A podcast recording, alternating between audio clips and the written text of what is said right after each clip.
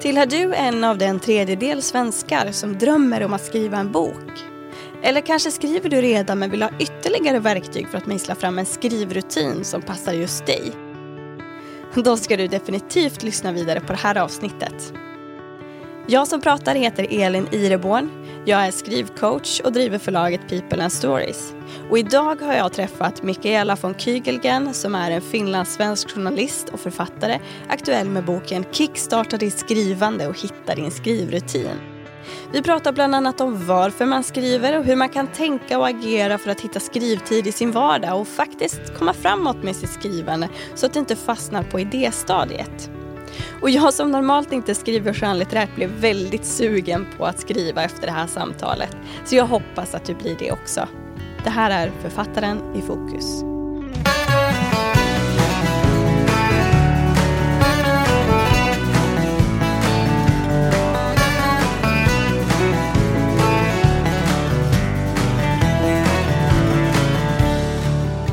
Hej och välkommen Mikaela von Kügelgen.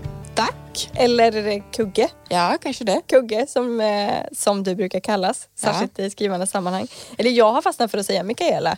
Eh, men det är okej också, eller? Ja, det är okej. Jag heter ju faktiskt så. Men vad föredrar du själv att bli kallad? Ehm, alltså Kugge är kanske naturligare för mig nu för tiden. Jag tycker Mikaela låter så officiellt. Ja, det låter som eh, morsan, eller? Ja, jag vet inte, det, det är bara väldigt officiellt. Jag tycker Kugge är lite mer avslappnad. Jag tycker det säger mer om mig som person. Ja, vad härligt. Och du är ju här nu för att du har skrivit boken Kickstarta ditt skrivande och hitta din skrivrutin. Den enkla titeln. Den enkla titeln. ja, men den håller ju verkligen vad den, Ja, vad den utlovar. Den. handlar om att kickstarta sitt skrivande och hitta en rutin. Eh, och den är utgiven på mitt förlag People and Stories. Mm. Eh, och man brukar prata om att författare debuterar, men du debuterar ju nu för andra gången ja kan man enligt, säga. enligt vissa. Precis, alltså du har debuterat en gång som skönlitterär författare och eh, sedan skrivit fler böcker och nu har du gett ut din första fackbok som då blir ett slags debuterande igen. Mm. Mm, hur känns det? Eh, jätteroligt. Eh, och sen tänker jag också att det är min debut på ett svenskt förlag. Ja. Så det är ju också stort för mig som är finlandssvensk. Mm. Men eh, att skriva, jag funderar faktiskt väldigt mycket på det för att när mina romaner har kommit ut så då var jag ju ändå så nervös att oj vad ska, vad ska folk tycka om den här berättelsen, om de här karaktärerna, funkar storyn, dramaturgin och så vidare. Nu så är jag ju så här att men eh, jag jobbar ju som journalist så att, att skriva den fackbok eller den här typen av texter är ju väldigt naturligt för mig. Eh, Så jag har ju korta, korta så här texter här i boken som är kanske lite som så blogginlägg eller så tankeexperiment. Så, så det känns som att det skrivande var väldigt naturligt och jag tänker att helheten funkar och, men, och det behöver inte finnas en dramaturgi på samma sätt som i en, i en roman. Så därför, jag ser inte att jag är onervös men eh, på ett annat sätt eh, så kan jag känna mig mycket tryggare med den här boken. Och när du säger nervös eller onervös, vad är det då som du, skulle, som du inte är nervös för så att säga? Ja, men kanske så här att åh gud vad hon har skrivit platta karaktärer och alltså den här, det här känns inte alls trovärdigt och så klassiska kommentarer som man kan få om man har skrivit en mindre bra roman. Ja. Nej men alltså jag har fått väldigt fina recensioner också på, på mina romaner men det finns ju alltid folk som inte tycker om det man gör och det tror jag garanterat att det kommer finnas också folk som inte uppskattar den här typen av skrivbok. Men jag skriver det faktiskt där i slutet av mitt tack att ifall det här inte är rätt skrivbok för dig så hoppas jag att du hittar en annan bok om skrivande som funkar. Mm. För att ja, skrivande är ju ändå ganska personligt. Ja, men det är ju det. Och hur skulle du säga är, vad, vad är det som är kickstarta ditt skrivande? Hur, hur eh, förklarar man den boken? Eh, ja, alltså det är ju en bok för personer som vill skriva, kanske man redan skriver eller är till och med utgiven. Men det är svårt att hitta den här rutinen, skriv inspirationen eller kanske snarare då rutinen i vardagen. Alltså människor som, tänk, som går omkring och tänker att ja, men jag, ska, jag ska skriva nästa vecka eller nästa månad ska jag börja. Uh, och så vet man aldrig att man kommer aldrig så långt. Så det här är mer för att på något vis kanske hjälpa eh, läsaren att ändra sitt mindset kring skrivande. Minsta möjliga motstånd. Väldigt mm. sådär uppmuntrande, eh, peppande. Jag hoppas det inte finns några pekpinnar här. Om det finns så ber jag ursäkt för mm. dem. Eh, men, ehm, men det är liksom ett sätt att komma igång och hållas igång. Mm. Ska jag säga. Ja. Hur, vad tycker du? du ja, det är ju ofta lättare att se boken utifrån när man inte är den som har skrivit den. ja, jag tycker det var en bra förklaring och, och jag brukar ju prata om att den har en jag tycker den har en väldigt låg tröskel. Mm. Den liksom passar väldigt bra för personer som går i tankarna på att jag skulle vilja börja skriva eller jag skulle vilja skriva mer. Eller har en bokdröm att jag skulle vilja bli författare. Eh, att då är den en väldigt bra liksom, insteg. För det mm. finns ju väldigt mycket böcker om skrivande. Mm. Eh, det gör det ju. Men men, och där finns det ju liksom ett smörgåsbord där du kan välja mellan men, den här boken av den här författaren där den pratar om sitt skrivande och sin väg dit. Eh, eller den här boken om eh, hur man skapar fängslande karaktärer eller skriver feelgood eller, eller hur man skriver en bästsäljare eller hur man skriver en deckare. Alltså de, de kan vara ganska eh, konkreta i det att de pratar om hantverket, hantverket och liksom gestaltningen och, mm. och allt sånt. Och det är ju också såklart jätteviktigt. Men där blir det ju en, tror jag ibland, att man kan känna sig överväldigad om man, om, liksom när man är ny mm. som aspirerande författare. Att var ska jag börja någonstans? Ja. Var ska jag börja i det här smörgåsbordet? Ska jag lära mig om dramaturgi först eller karaktärer först? Eller vad, vad ska liksom vara ingången? Och, och eh, någonstans så tar den här boken fasta på att ja, men börja bara. Exakt. Börja bara skriva, alltså någonstans där. Att det, det behöver inte vara så noga vad du skriver eller hur du skriver men att faktiskt göra skrivandet. Exakt. Och, eh, och också för den som eh, kanske har stött på lite motgångar eller motstånd i sitt skrivande så tror jag att det finns mycket i den här boken som kan så där hjälpa vidare. Och, eh, jag låg ju alltså själv här för några veckor sedan på min soffa och, och, och läste min egen bok eh, för att jag, jag, jag, var lite nere. Jag kände mm. sådär att mitt skrivsjälvförtroende var lite i botten. Och så läste jag mina egna ord och kände sådär, ja men det här har ju hänt förut och så här brukar det vara. Och min ja. sambo var faktiskt såhär, sitter du och läser din egen bok? Jag bara, jo men jag behöver läsa de här orden liksom för att mm. påminna mig själv om att ja, det är ju en berg och dalbana det här skrivandet. Mm.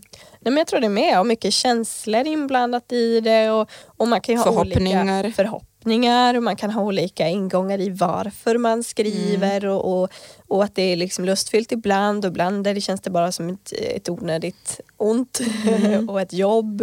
Eh, så så där, eh, där kan det ju vara väldigt olika ingångar för olika människor. Men, men det jag tycker ramar in den blir just det där att att du lämnar väldigt mycket åt läsaren. Mm. Liksom, det är inte du som, säger, som ger svaren utan du öppnar upp för tankar och, och ställer frågor och det finns eh, reflektionsfrågor och även plats i boken för att mm. skriva mm. det där om man vill. Eh, så man liksom väldigt handfast kommer igång och, med de tankarna. Liksom, varför vill jag skrivande? Vad, varför bety vad betyder skrivandet för mig? Vad är mitt mål? Och, eh, vad behöver jag för att få till det i min vardag? Precis. Det blir som en skrivcoach. Lite, alltså, man kan tänka det som att det är en skrivkurs i tio delar ungefär. Ja. Så man, man, kan ta en del i veckan eller vad man nu än vill, vill göra. Um, och sen um, fastän jag har skrivit två romaner så känner jag ändå att ja, jag kanske ännu ingen auktoritet inom eh, skrivande och när man nu sen blir det ju ett stort frågetecken för jag tänker att man är väl aldrig fullärd som eh, mm. författare. Men eh, jag vill också bredda bilden av författarskap och skrivande genom att intervjua åtta andra författare för att visa att så här är det att vara författare. Precis, så boken har ju några författarintervjuer. Mm. Vilka är det som intervjuas och varför har du valt just dem? För det första så ville jag göra tematiska intervjuer Eh, för jag tänker att det är väldigt tråkigt om jag pratar med åtta personer om hur börjar du skriva? Ja, hur ser ditt fråga. skrivande ja. ut? För att det, de flesta säger ungefär samma saker. Så jag tänker att det blir väldigt eh, tråkigt. Så istället har jag valt eh, ett tema och de, de går enligt de här kapitlen som finns i, i boken. Eh, så eh, ska jag gå igenom alla de här författarna och Absolut. kapitlen. Ja, Ja. Så eh, först ut är Anna Bågstam som pratar om en skrivande vardag. Alltså hur ska man få in skrivandet i sin vardag om man har mycket annat och det tror jag nog folk, många känner igen sig i. mm. Eh, sen har jag pratat med Monica Fagerholm om att komma igång. Hon håller ju mycket skrivarkurser och är väldigt inspirerande så jag tycker att den här intervjun, liksom, jag blev själv väldigt inspirerad när jag pratade med Monica Eh, och jag tror att eh, det är någonting som man kan kanske just läsa om man känner att oh, jag vet inte alls var jag ska börja eller hur ska jag komma igång. För hon Mm. liksom, det är som att hon raserar alla de här tankarna och bara så här, börja skriva, börja med vad som helst, det spelar ingen roll. Och så med Maria Turchaninov har vi pratat, eller jag har pratat om eh, inspiration, om alltså allt det här som inte är kanske att skriva, eh, men eh, som eventuellt leder till skrivande. vad, vad, vad menar man då?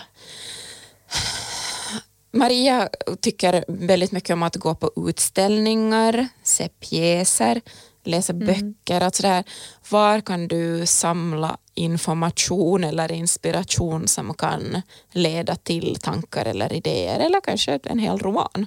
Ja.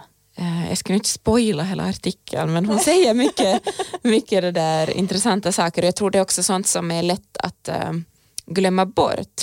Att vi tänker att, ja, men att skriva det är bara att sätta sig ner och skriva fast man ju också måste ta tid för att samla in material, alltså bara leva livet för Mm. att eh, liksom, bli inspirerad och få, få tankar om och, eller så bara people watching, alltså kolla på sätta sig på ett café och lite spionera på folk. Mm. Det är ju också ett jättebra sätt att ehm, fundera på hur folk funkar. Eller när jag, eh, jag bor ju i Finland och jag tog eh, båt eller färja från Helsingfors till Stockholm.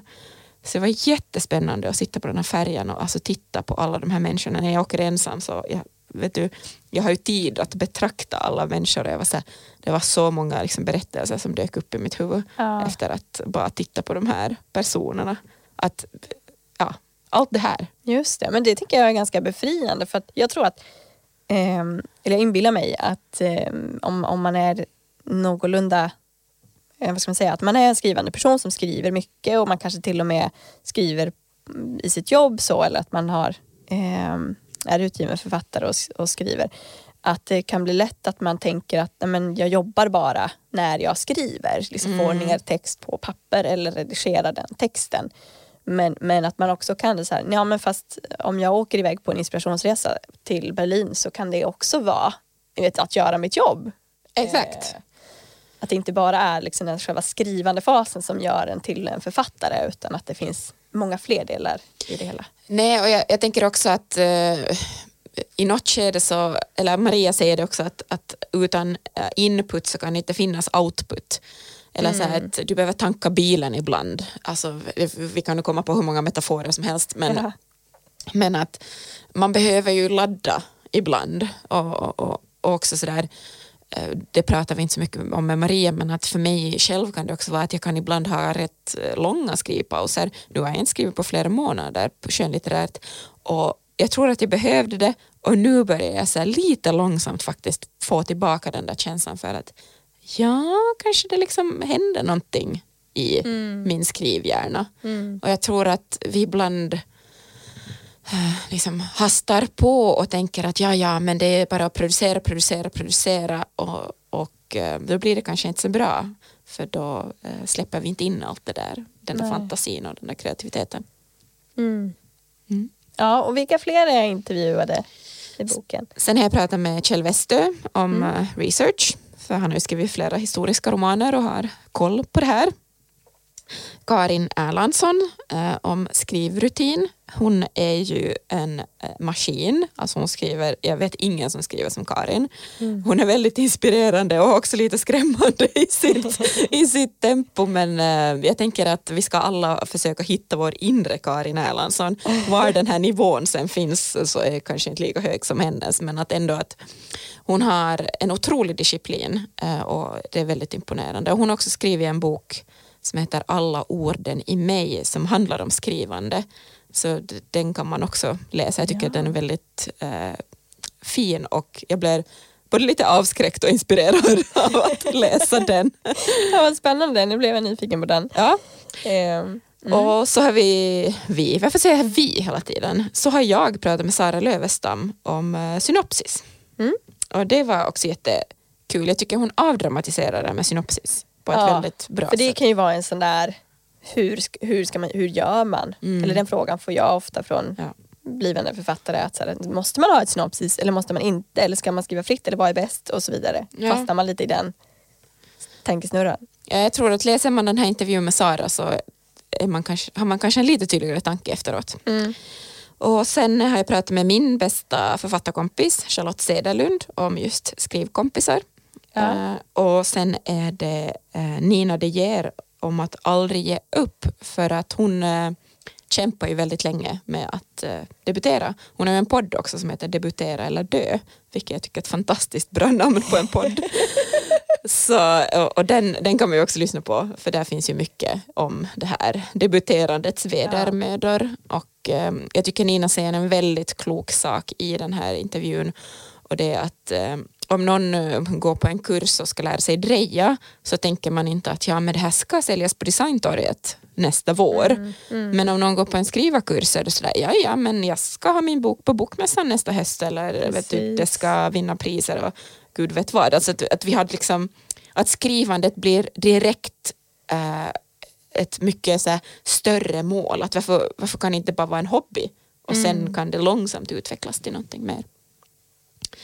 Så ja, det var de åtta författarna. Det Fyra. känns ju som att, ja förlåt vad sa Nej, du? nej, jag skulle bara säga att fyra finlandssvenska och fyra svenska författare. Ja, jättebra mix. Mm.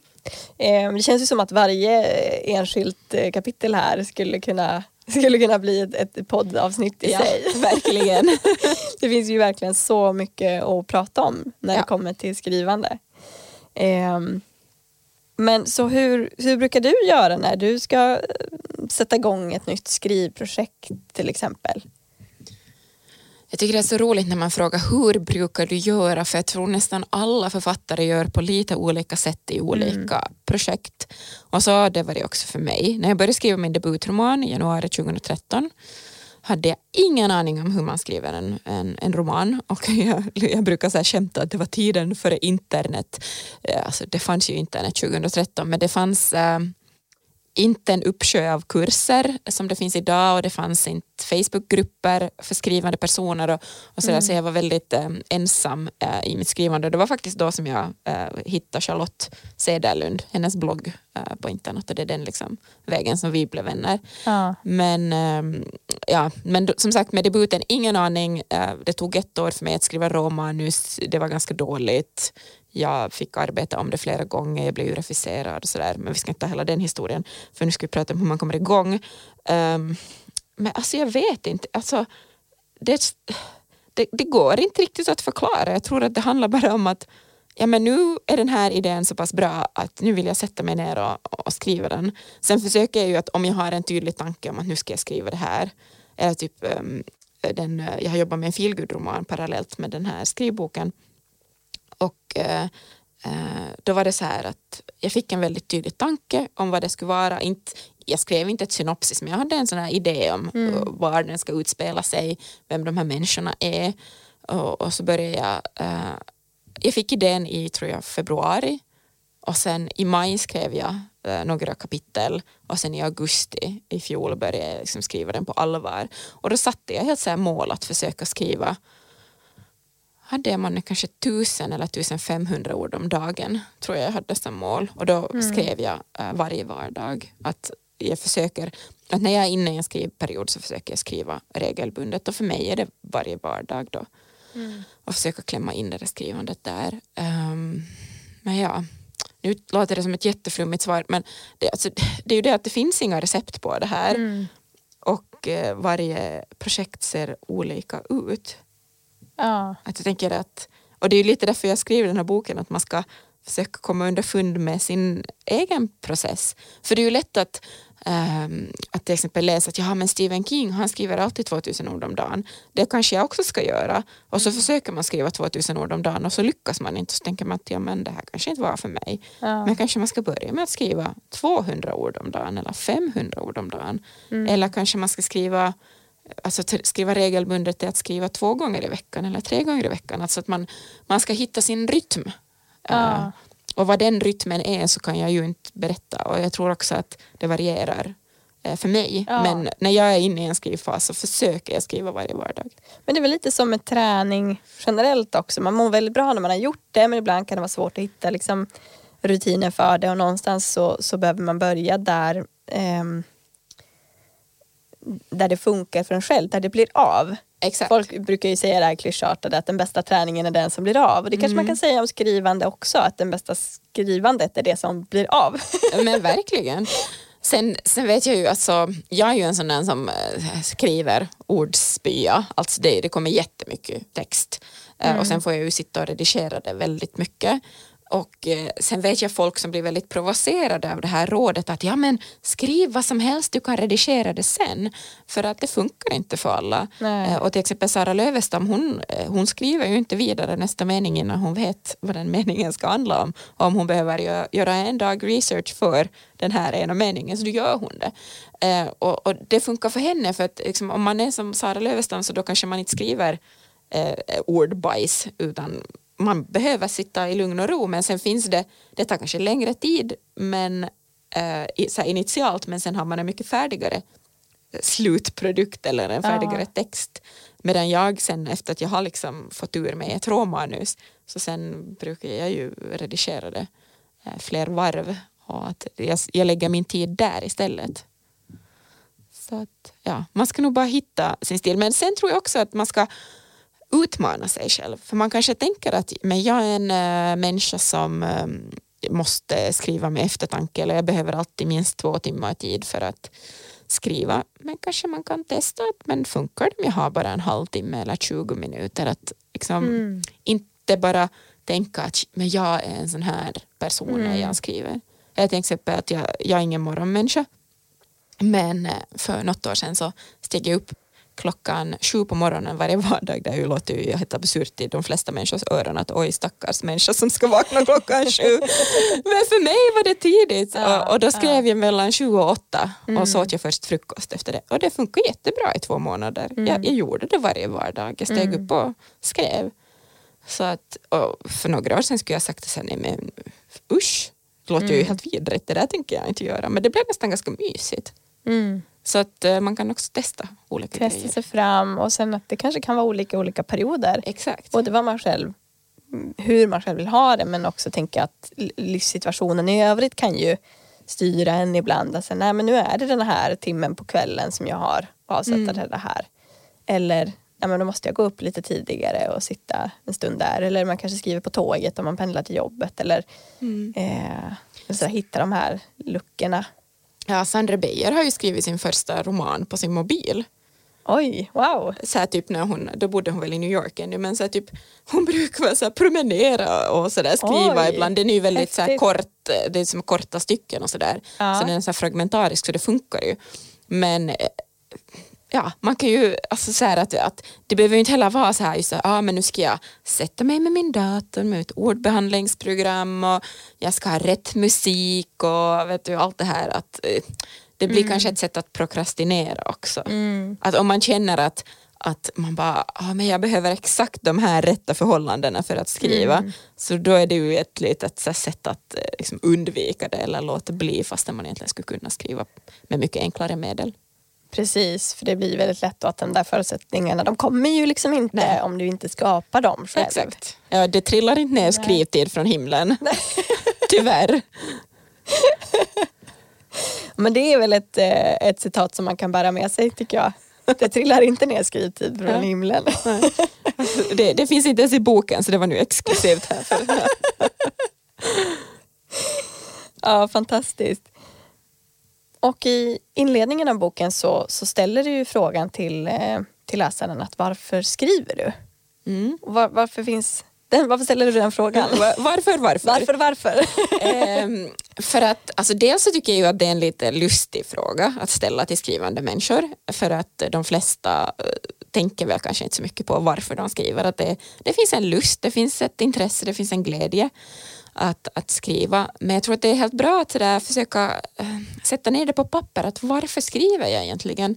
För att ehm, för egen del så, eh, fastän jag har gett ut två romaner så, och nu denna, så jag menar jag kan ju inte säga att jag har varit ett misslyckande liksom, i min författarkarriär. Men eh, jag har ju stött på väldigt mycket motgångar och jag har fått refuseringar och, och sådär. Så då har jag varit tvungen att, att tänka på att men varför håller jag på när det är så jävla, ursäkta, jobbigt ibland. Mm.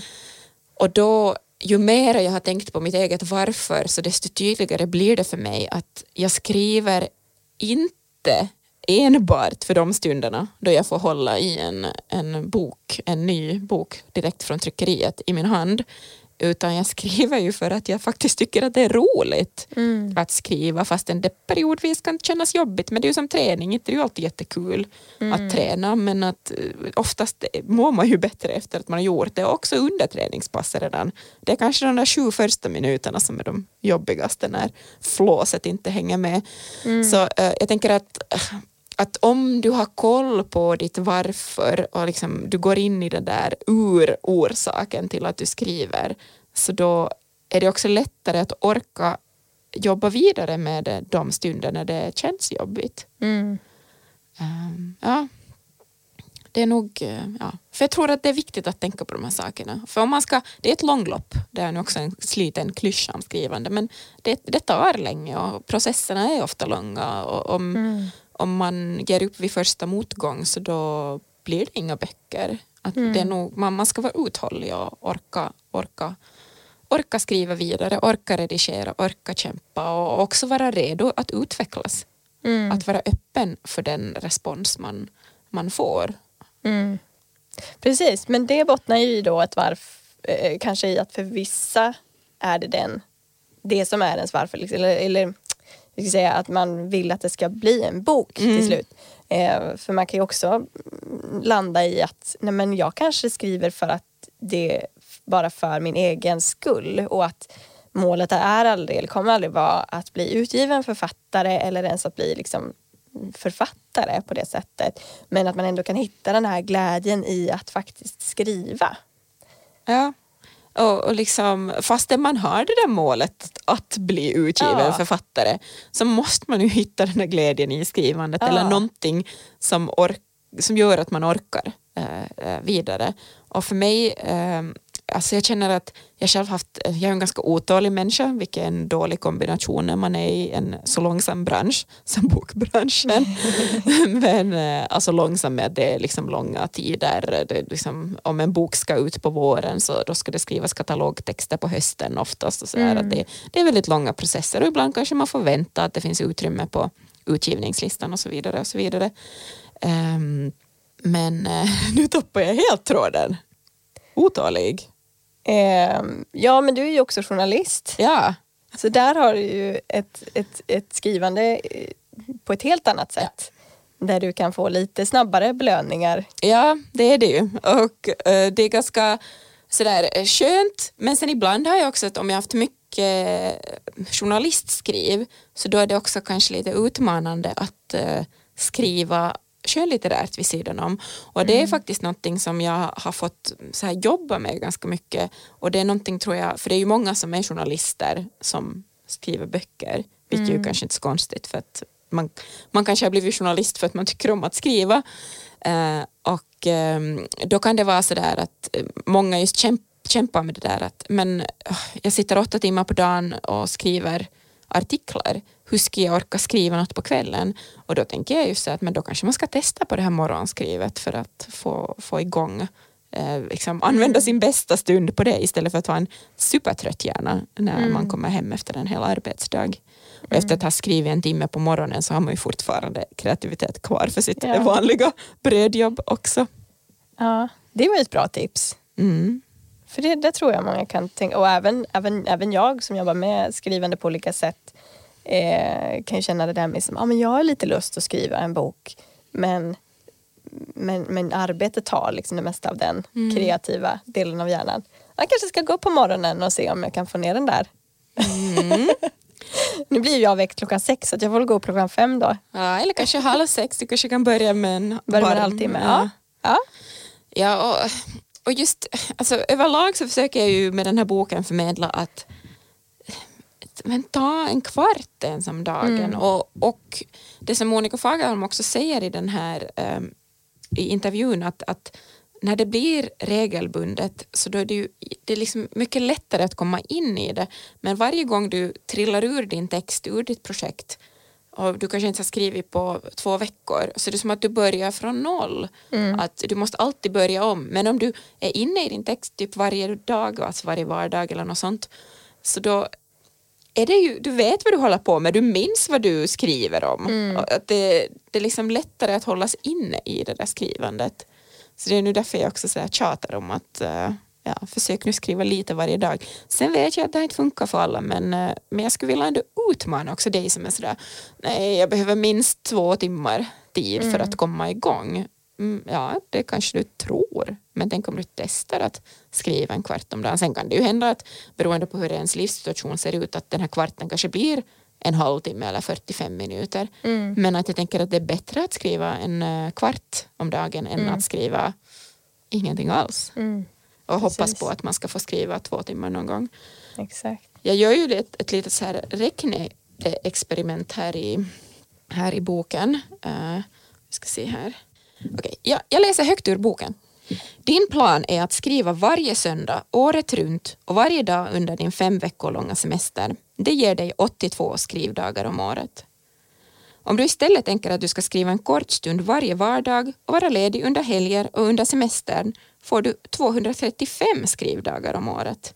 Visst låter 235 skrivdagar avsevärt mycket trevligare än 82. Vi fortsätter med räknandet. Tänk dig att du nu skriver 200 ord om dagen i 235 dagar. Det ger dig 47 000 ord på ett år. Och min debutroman var 48 000 ord. Mm. Att liksom, just tänka att det känns så pytte. Men ja. för då ska jag skriva 200 ord. Men det är ju det här att när du gör det varje dag. Det är ja. liksom att, lite så här ränta på ränta effekten. ja precis, plötsligt så är man där. Ja. Då har man jobbat ihop de orden. Ja. Mm. Så att eh, liksom utmana det här mm. Eh, tänket om att när kan jag skriva, när hinner jag skriva, vad behöver jag för förutsättningar för att skriva. Mm. Sen tycker jag absolut att man kan också mysa till det och liksom koka en kopp te eller kaffe och ha sin favoritchoklad. Men, eh, ja. Men det kanske inte alltid kan vara perfekta förutsättningar nej, för skrivet. Nej, precis. Det är viktigt att man, att man får till någonting ja. i alla fall. Eh, men nu har vi pratat mycket om, eh, om skrivande kopplat till skönlitterärt skrivande. Mm. Eh, men kan man läsa den här boken även om man vill skriva en faktabok exempelvis? Det tror jag absolut. Eh, jag utgår ju mycket från att skriva skönlitterärt mm, och eh, alla författare som är intervjuade är ju skönlitterära författare.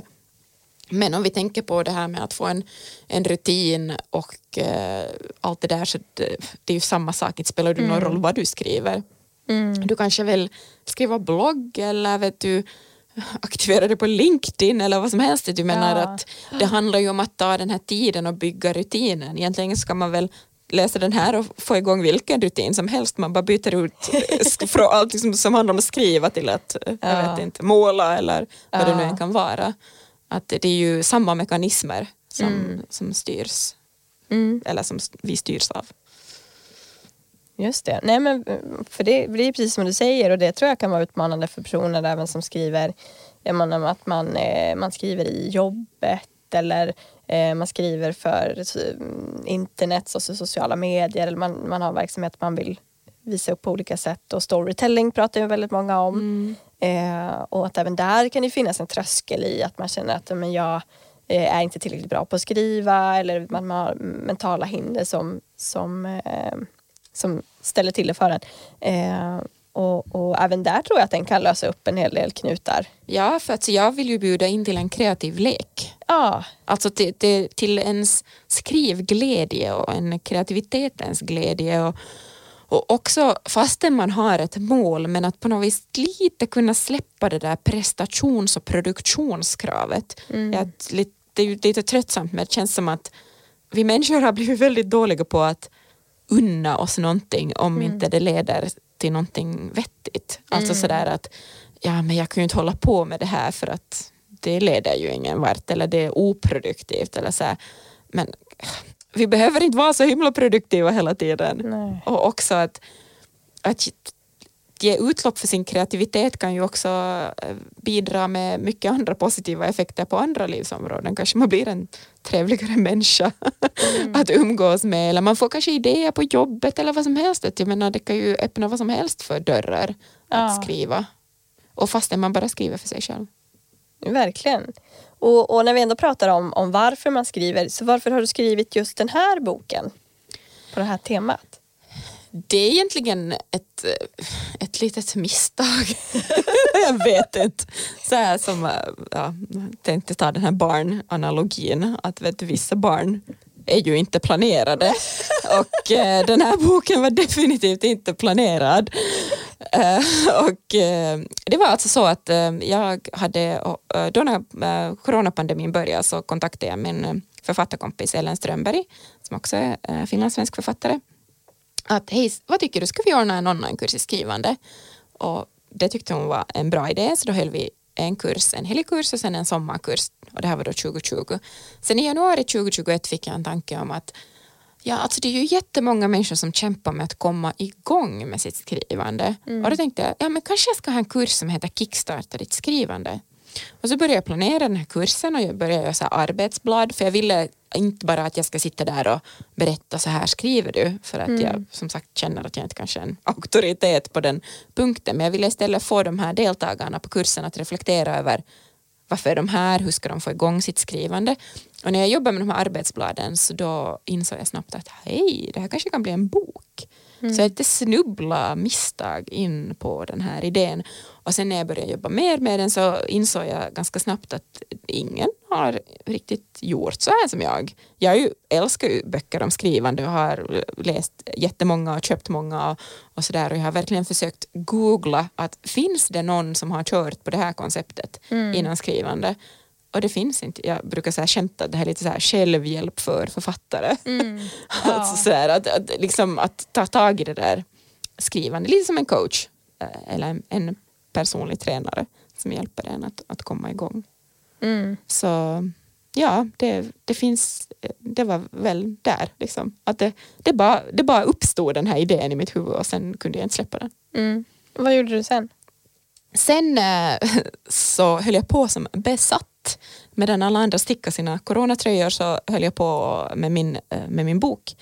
Uh, och jag gjorde det alltså allt själv då. Uh, jag köpte en mall från Creative Market och uh, pyssla med Canva, ett sånt mm. program som kanske många känner till där man kan göra olika layout-grejer. Och så satt jag faktiskt typ och skrev direkt i Canva i den här mallen så här att ja men här ryms en så här lång text. Då skriver mm. vi så här mycket. Mm. Um, och sen gav jag ut den själv som e-bok och som ett sånt litet häfte mm. som man också kunde köpa. Och eh, ganska snabbt insåg jag att det är väl mycket roligare att skapa boken än att sälja den själv. Mm. Och det också tycker jag är tråkigt att om man säljer bara en egen kurs eller en egen produkt. Därför tycker jag det är mycket roligare just att Ellen och jag har haft flera kurser tillsammans. Det är mycket roligare. För ja. då, är så här, då är vi två upphovskvinnor och inte, inte bara jag som säljer ja. min produkt och bara jag, jag, jag och så här, känns lite så tjatigt nästan. Mm. Så jag tycker det är roligt att, att man får jobba tillsammans med andra. Och sen kom jag ju, eller jag, jag såg ju att du hade startat nytt förlag då förra hösten mm. 2021. Och sen var jag genast så här, oj det här låter ju spännande och eh, ja, och sen skickade du ett mail på din e-postlista och fråga har du tänkt skriva en fackbok? Du skickar ju inte personligen åt mig, du skrev ju det till alla på din lista. Det är personligen till alla på listan. Exakt, personligen till alla. Och så svarade jag ju på det att eh, vilken ska vi börja med? ja, ja, det var så himla härligt svar tycker jag. Och, eh, och då hade jag ju så här, jag tänkte att det är ju en så här chansning. Mm. Uh, och, men det var ju, lönar ju sig. Och, uh, och jag hade ju då när jag hade gett ut den själv, den här min lilla e-bok och det här häftet, så redan då var jag sådär, ah, det skulle vara jätteroligt att kunna ge ut den här på ett riktigt förlag. Kanske mm. sen vet du när jag är lite äldre, kanske 50 eller någonting så etablerad, äh, vet du, någon kanske bryr sig om vad jag tycker om, mm. om, om, om, att skriva och sådär, att jag är liksom lite mer av en kanske auktoritet eller så. Och sen nu finns den här boken redan så det känns ju helt absurt. Mm, Jag är inte 50 ännu. Nej exakt. Nej men det var väl eh, stjärnorna stod rätt helt enkelt. Eh, så jag tyckte ju att det, den e-boken som du hade gett ut var bra redan som den var.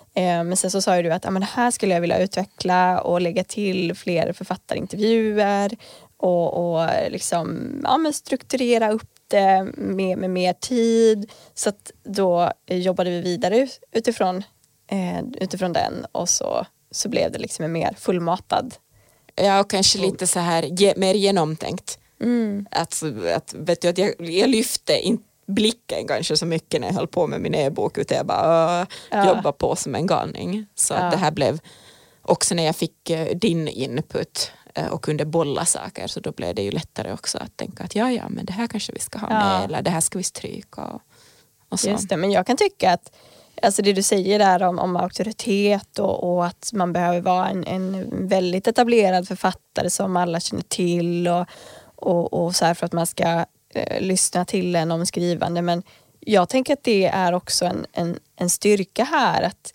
mm, Alltså just det att Att jag inte är så framgångsrik.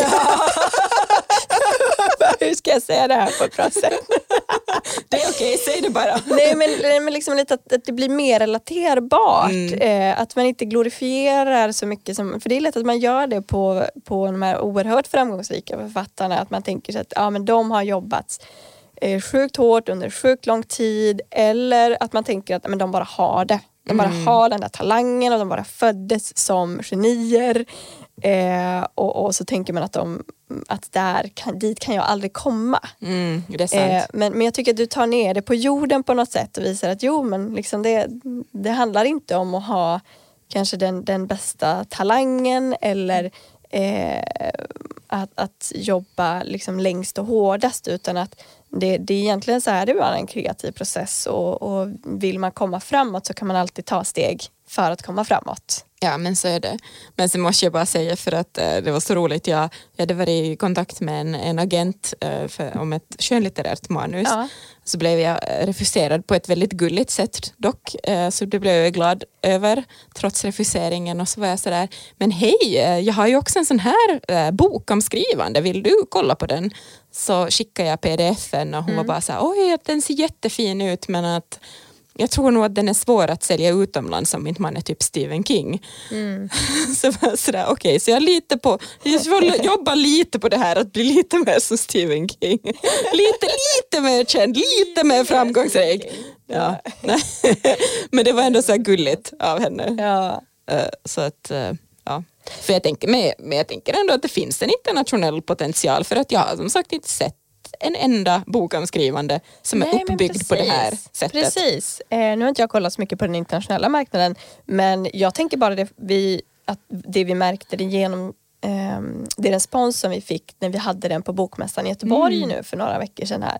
Eh, för där var e- egentligen var tanken att boken skulle komma först nu i oktober men den kom tidigare från tryckeriet än vad vi hade räknat med.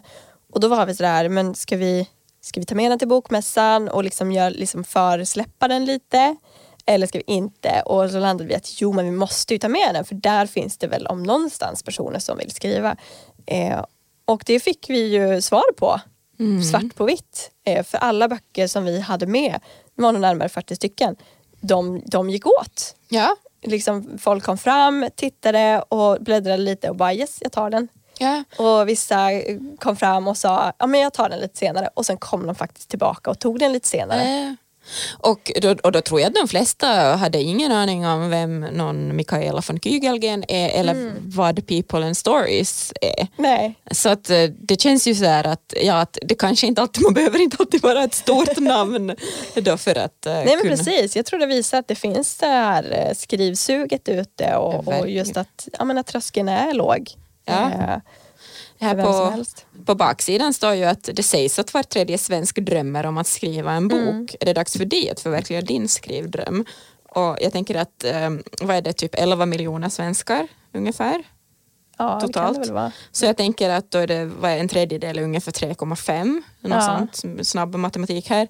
Så jag tänker att min målgrupp är ju då typ 3,5 miljoner svenskar. Ja, Alla de ska ju ha en bok. Eh, men exakt. Ja, det, det, det, det är ju ett ganska ödmjukt mål men att jag tycker vi satsar på den. va? Det sätter vi, minst eh, 3,5 miljoner exemplar. Sen kanske jag kan pensionera mig. Nej. Men alltså min eh, på riktigt ödmjuka förhoppning är ju att det här är en bok som eh, hjälper läsaren att eh, komma igång med sitt skrivande och att det här kanske kan bli som en um, bok som man kan plocka fram då och då också när man behöver pepp eller stöd eller kanske tröst i Mm. den här ibland jobbiga uh, skrivprocessen. Mm. Att jag tänker att det här ska bli så här stapelvara i, i, i skrivande människors hem. Mm. Plus att den är ju väldigt fin och behaglig att hålla i. Den är ju jättesnygg. Ja, Som en grön karamell. ja, verkligen. Så. Den är jättefin. Det är en, det, vi kom ju på dock häromdagen att vi skulle ju ha tagit en sånt här fint eh, Mm. band också Ja. i mitten. Eh, Jag glömmer bort vad de heter. Kapitel. Nej, Nej, kapitelbandet det är just det, det, det andra. Ja, det här är så här boknörderi nu. Alltså det finns så mycket termer i bokbranschen. som- Läsband tror jag att det heter. Okej. Eh, oavsett vad det heter tror jag ni förstår vad, vad vi menar här. Ett, ett orange Mm. för att passa designen. Så, så det sa vi att till nästa upplaga då lägger vi till ett, eh, ett läsband Ja. också. Så nu, nu får ni eh, hjälpa oss här och, och sälja slut på första upplagan. Ja, sen kan ni köpa den uppdaterade Då kan du versionen. köpa den uppdaterade, exakt. Nej, men den är jättefin och eh, jag tänker att den passar jättebra för olika målgrupper också. Alltså är, man, är man tonåring till exempel som har börjat fatta intresse för skrivande så är det nog jättebra att sätta händerna på. Ja, absolut. Jag tror att det, den funkar för en väldigt bred målgrupp. Och sen tänker jag också att kanske allt i boken inte är sånt som just du som nu lyssnar behöver läsa om. Men då struntar du i de delarna och du tar till dig det som är viktigt för dig just nu. Sen kanske något, i en senare del av processen så kan det vara någonting annat. Och att det här är ju ingen bok man behöver läsa från pärm till pärm utan man kan verkligen slå upp den där man behöver eh, inspiration just där och då. Precis, jag tänker att det är nog, det är nog lätt att tänka sig att ja, men, om man redan är etablerad författare eller liksom att man har ett skrivande liv att man tänker att ja, men då behöver jag inte den för jag är redan igång. Men det är ju som, som du har berättat här nu att den innehåller så mycket andra grejer också som det här med att tänka på liksom, men vad är skrivande, vad är inte skrivande? Eh, liksom sådana saker som kan väcka, väcka tankar även hos den, den mest erfarne. Så att eh, vi ska få Stephen King att läsa den här tänker jag. Ja, bra målsättning. Han behöver det definitivt. Ja, det känns som att 2000 ord om dagen är lite slappt ändå. Det är lite slappt. ja, eh, men eh, jätteroligt att, att få prata med dig Mikaela om den här boken. Den ligger ju mig väldigt varmt om hjärtat också. Jag är ju väldigt partisk då såklart. Men eh, jag tror precis som du säger att det här är en bok som inte riktigt finns i, på det här sättet på marknaden och jag tror att den, den kommer kunna kickstarta många skrivande processer. Eh, Så det är lite häftigt att se det kommer vi aldrig få svar på i och för sig men, men eh, att vara tanken på att den här boken kan vara ett frö för, för kommande eh, generationer av framgångsrika och mindre framgångsrika författare. Exakt. Så här, målsättning att bli tackad i så många böcker som möjligt. ja, ja exakt. Och eh, är det någon som eh, alltså, kommer igång med sitt skrivande, alltså, det behöver inte ens handla om att man blir utgiven, alltså, man får ju jättegärna höra av sig till mig och berätta hur det går. För jag menar det är ju den bästa presenten den som läser kan ge mig, Ja. är att säga att det hjälpte mig att komma vidare i min skrivprocess. Ja. Underbart. Eh, och hur kommer man i kontakt med dig då om man skulle Enklast är det kanske på Instagram. Där heter jag Kugge, Kugge, K-U-G-G-E gånger två. Eh, och där finns också länkar till min webbplats som är i och för sig ganska enkel, mikaela.fi och Mikaela med CH. Och, där eh, finns bland annat en massa skrivtips. Jag, I min ungdom har jag bloggat aktivt. Nej men det finns eh, en så här bank av skrivtips där så kan man också gå in och läsa. Och sen kan man också prenumerera på mitt inspirationsbrev som kommer var tredje onsdag. Eh, Det är väldigt bra måste jag säga. Mm. Jag tycker det, ja, men det är mycket sådär som man ska prenumerera på och, och få brev om. Men, eh, men jag tycker du, du håller det liksom kort och koncist och utvecklande. Jag försöker alltid i alla brev, eh, det är en liten hälsning från mig där i början jag berättar om något som händer i mitt skrivande liv. Sen eh, om jag har någon kurs eller bok eller något annat aktuellt så tipsar jag ju såklart om det som jag har på gång. Mm. Och eh, sen är det alltid två andra tips, eh, kanske någon podd eller ett blogginlägg eller någonting annat eh, skrivrelaterat. Sen är det alltid en skrivövning och eh, ja, och ett litet hej då. Men mm. sådär att jag försöker ha en sån ganska tydlig struktur och så här, det känns verkligen för mig som att jag brevväxlar med de här personerna på min lista. Jag blir alltid jätteglad när någon svarar på mina mejl. Ja, ja. Så att eh, det, det ska ni göra om ni vill. Ja. Och sen så tänkte jag också nämna det att eh, på peopleandstories.se så kan man också ladda ner ett smakprov på boken. Mm. Eh, om man skulle vilja vara nyfiken på att se mer innanför pärmarna. Ja den är ju faktiskt väldigt fin, eh, alltså inlagan och mm. om, omslaget. Det, oj, eh, det är min eh, vän Pia Lehtinen som har ett företag som heter Simberget Partners mm. som har gjort inlagan och, och den blev faktiskt väldigt snygg. Så det är bara mm. därför lönar det sig att ladda ner det här smakprovet så får man se hur, hur, ja, hur den faktiskt ser ut på insidan. För det är inte mm. kanske den mest typiska layouten på en skrivbok kan vi Nej. säga. Nej, den är väldigt kreativ och härlig bara mm. det. Mm. Ja, men underbart. Finns det något sista som du skulle vilja skicka med lyssnarna? Ja, skriv bara skriv. Mm. Skriver inte så blir det ingenting. Så, mm. så enkelt är det. Ja. Och, och, och liksom, jag säger inte att du ska sänka din ambitionsnivå men kanske sänk eh, kraven på dig själv åtminstone i startfasen. Mm. Låt det bli dåligt om det blir dåligt. Mm. Då avslutar vi med det. Låt det bli dåligt. Mm. Mm. Ja, uppenbarligen funkar det ju för mig. Ja. På något plan. På något plan. Ja, tack så jättemycket för att du kom hit Mikaela och eh, lycka till i ditt fortsatta skrivande. Tack, vi får se vad som händer där. Mm. Stort tack för att du har lyssnat. Jag hoppas att det här satte igång skrivnerverna rejält. Och vill du läsa mer om boken hittar du den på peopleandstories.se. Och känner du då att men det här vore någonting för mig så får du som lyssnare av podden 10% rabatt på boken i webbshoppen. Ange då bara koden SKRIVFOKUS i kassan. Stort lycka till med ditt skrivande och ha en riktigt fin dag.